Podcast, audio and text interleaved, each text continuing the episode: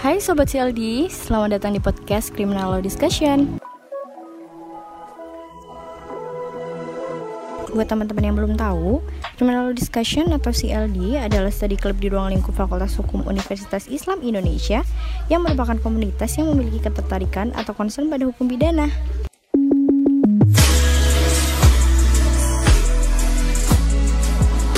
Hai guys, balik lagi di podcast Ngobrol Perkara Pidana. Di sini aku Ali Ramadhani dari Departemen Pidana Keuangan dan Korporasi. Aku Nidia Kariza dari Departemen Keuangan dan Korporasi juga. Aku Wiryawan dari Departemen Hukum Pidana Internasional dan HAM. Di sini enaknya kita ngobrolin apa nih? Um, gimana kalau misalkan kita ngobrolin tentang toxic relationship?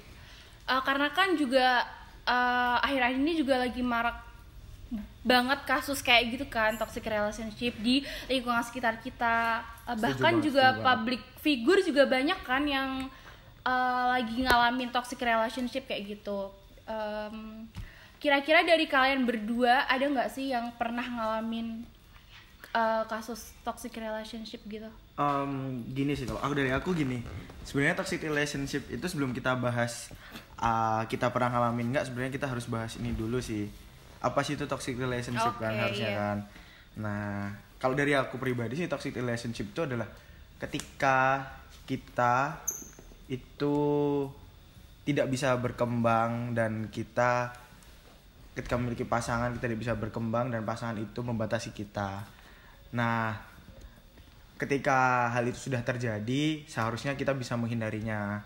Karena ketika toxic relationship itu diterus-teruskan, pasti akan ada dampak-dampak yang lainnya. Seperti contohnya ada mungkin bisa jadi abuse karena kalian karena oh ya pacar kalian tuh em, nggak nggak mau kalian seperti ini seperti ini seperti ini. Akhirnya kalian kena abuse dan lain sebagainya. Nah kalau aku dari pribadiku sendiri aku pernah ngalamin toxic relationship dulu waktu SMA ya pada awalnya sih kita nggak sadar ya. Pastinya kita nggak sadar kalau kita tuh lagi ada dalam toxic relationship. Sadarnya ketika eh, kita udah jauh tuh tiba-tiba udah jauh udah mau hampir jalan setahun kok ngerasa kita dibatasin dalam segala hal kita nggak bisa deket sama teman kita nggak bisa ngembangin diri kita nggak bisa explore dan lain sebagainya. Nah di situ kita udah harus ambil langkah. Kalau aku dulu sih eh, ini sih aku mau nggak mau harus putus. Soalnya kalau nggak gitu jatuhnya nanti kita bakal larut dalam toxic relationship itu. Kalau aku dari pribadi gitu sih. Mungkin ada nggak teman-teman yang lain di sini? Em, boleh ceritain nggak itu gimana kamu sama pacar kamu yang dulu mungkin toxic relationship Atau gini deh, kalau misalnya kamu tuh nggak mau cerita tentang pengalaman pribadi kamu, coba ceritain ada nggak sih teman kamu gitu curhat? Pastikan ya, kamu udah berpengalaman nih soal ini. Coba bisa diceritain nggak sih?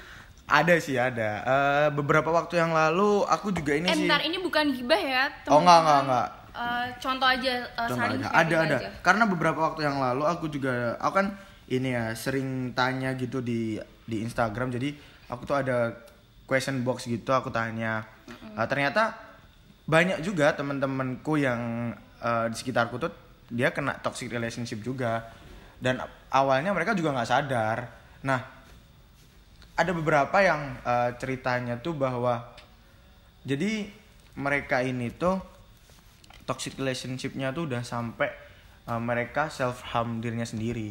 Karena mereka ngerasa kalau mereka ini nggak sama dia uh, mereka nggak tahu lagi hidupnya jadi apa. Jadi sudah sampai pada tahap yang ketergantungan sama seseorang tersebut. Padahal kan uh, kita ini apa ya dari aku pribadi sih nggak bisa gitu kita ketergantungan sama orang. Karena kita kan menjadi suatu seorang pribadi ya kita harus bisa menentukan diri kita sendiri meskipun kan itu pasangan kita sendiri Eh, iya ya. dong meskipun pasangan kita sendiri. Dan jangan sampai juga kita ini sih kebahagiaan kita tuh ada pada diri kita sendiri bukan pada orang lain. Jadi Iya, em, Setuju. iya kan? Soalnya kalau kita masih berharap bahagia kita pada orang lain ya selama itu pula kita akan bergantung kepada orang lain. Dan selama itu pula kita masih berada dalam toxic relationship. Itu. Mungkin ada yang mau dan itu efeknya ke kita ya nggak ke pasangan kita. Maksudnya kita yang tersakiti juga gitu loh iya efeknya ke kita juga. Semua akan dirugikan ya di sini berarti. semua pasti akan dirugikan. Kamu nih, kalau dari kamu nih ada nggak? Eh, kalau aku sih kebetulan kalau yang aku rasain eh, belum ada ya. Maksudnya kayak aku nggak pernah gitu loh ngerasain toxic relationship selama aku pacaran gitu cuman kalau pengalaman dari teman aku sih ada ya. Jadi mm, dia tuh kayak eh, pacaran lama gitu loh Eh, sekitar lima tahun dia pacaran dari SMA kelas 1 nah terus eh, dia itu uh, dia tuh MBI gitu sama pacarnya. Beneran ya. Uh, dan Oke. kejadiannya itu uh, waktu di uh, kejadian itu waktu dia lagi pacaran uh, tahun berapa ya? Sekitar tahun 2019-an gitu kan. Nah, posisinya itu dia dipaksa gitu loh sama pacarnya bukan mau sama mau, paham gak sih? Berarti ada unsur pelecehan juga Iya, dong bener banget. Jadi eh, tapi waktu itu teman aku juga salah sih. Jadi dia kayak dek- dia udah pa- punya pacar tapi dia deket sama cowok lain. Nah, cowok Wih. nah cowoknya itu kan sih. temperamen gitu kan. Terus eh, nggak suka kalau ceweknya itu eh, jalan sama cowok lain ya. Tapi bener juga sih. Nah, terus eh, pada suatu malam tuh dia diajak pergi. Nah, pergi ke suatu tempat gitu. Habis itu ya udah terjadi kayak gitu. Eh, tapi dengan unsur paksaan ya jadi nggak bukan mau sama mau terus akhirnya eh, udah sekitar hamil tujuh bulan itu mereka baru nikah nah terus setelah nikah baru tuh kebongkar semua eh, kebusukan laki-lakinya itu kalau Oke. dari yang mulai dia eh, ngomong kasar suka main tangan kayak gitu terus juga Pelanggaran nih Mas Ir. iya benar Pasal sering berapa banget. nih? Masuk pasal berapa nih? Pasal Apa berapa ya, Pasal pidana nih? bentar bentar. Oke cari dulu. Karena seorang mahasiswa hukum juga nggak kita kan juga nggak bisa dong ngapalin pasal Iya, dong. benar. kita searching dulu. Kita gunakan bah Google dulu di sini. Bentar ya. Oke. Eh, ini sih apa ya? Tapi ini baru cari-cari juga. Tapi menurutku juga kalau toxic relationship itu kalau dipertahankan juga lama-lama pasti ketika eh, pasangan itu memaksakan untuk menikah nah pasti dalam pernikahannya pun juga bakal sering terjadi KDRT dan lain sebagainya cekcok rumah tangga Oh iya, ya. Ya, Pasti. pasti itu. Heeh. nah kalau dari Alia sendiri ada pandangan lain nggak tentang toxic relationship ini itu gimana Aduh, sampai bingung nih mau eh, mau cerita yang mana ya? Ya bukan sih, gimana ya? Aduh, pokoknya dari dari kalian berdua aja ini udah bisa disimpulin deh. Nah, ini eh, di Indonesia itu ternyata ada undang-undang KDRT juga atau kekerasan dalam rumah tangga. Oh iya. Eh, lengkapnya sih Undang-Undang Nomor 23 Tahun 2004 tentang penghapusan kekerasan dalam rumah tangga atau UU PKDRT.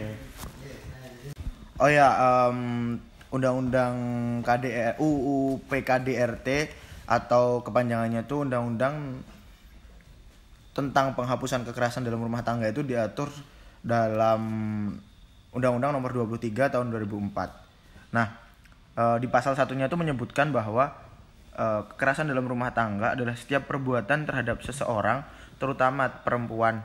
Nah, jadi jadi KDRT itu eh, nggak cuma terhadap perempuan aja ya, jadi bisa terhadap laki-laki. Jadi eh, selama ini kan mungkin kebanyakan masyarakat di Indonesia masih beranggapan bahwa eh, kekerasan dalam rumah tangga itu yang menjadi korban hanya perempuan. Tapi ternyata eh, suami itu juga bisa jadi korbannya. Tapi memang eh, biasanya yang jadi korban adalah eh, yang istrinya. Nah, lanjutannya adalah yang berakibat timbulnya kesengsaraan atau penderitaan secara fisik, seksual, psikologis, dan atau penelantaran rumah tangga termasuk ancaman untuk melakukan perbuatan pemaksaan atau perampasan kemerdekaan secara melawan hukum dalam lingkup rumah tangga. Nah, di sini kita udah bisa tahu bahwa kekerasan dalam rumah tangga itu sendiri uh, ternyata sudah dila- sudah diatur juga dalam undang-undang dan itu memang dilarang. Jadi em, balik lagi ke tadi toxic relationship adalah bibit dari KDRT itu sendiri itu ada di toxic relationship.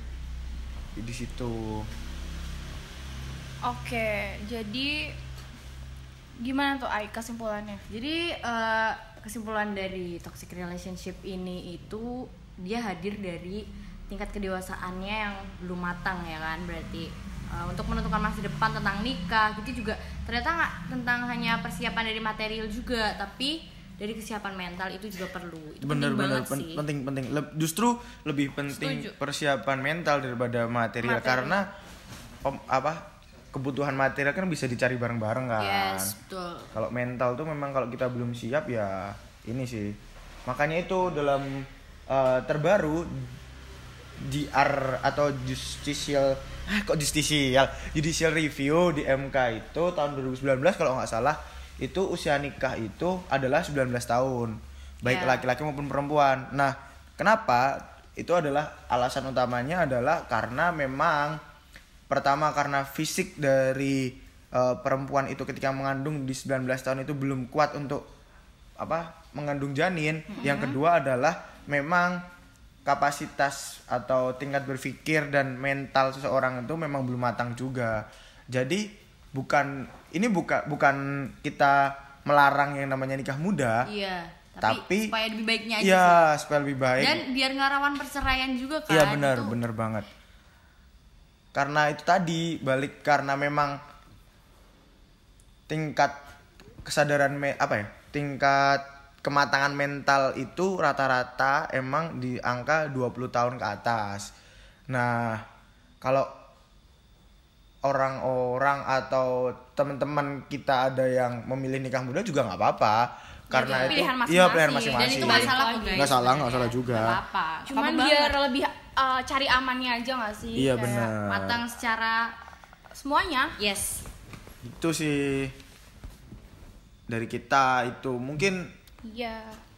apa ya bisa dari teman-teman kalau misal ada mau kita bahas lagi soal ini bisa nanti langsung DM aja ke CLD Eva. UII di akun Instagram nanti bisa kepoin kepoin di situ kalau misal teman-teman ada mau bahas apa bisa Atau langsung ada yang mau aja ditanyain. Ha-ha, boleh banget Karena kasus-kasus uh, kayak gitu kan juga banyak banget kan dari kalian mungkin atau kerabat kalian yang ngalamin kayak gitu gitu. Bisa kalian tanyain juga ke si LD. dan jangan pernah males buat belajar hukum ya guys karena itu penting banget. Ya betul banget. Oke eh, jadi kita udah di akhir perbincangan nih. Kami pamit mundur diri. Saya Alia Ramadhani.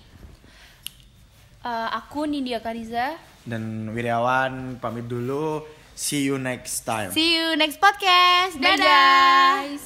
Assalamualaikum.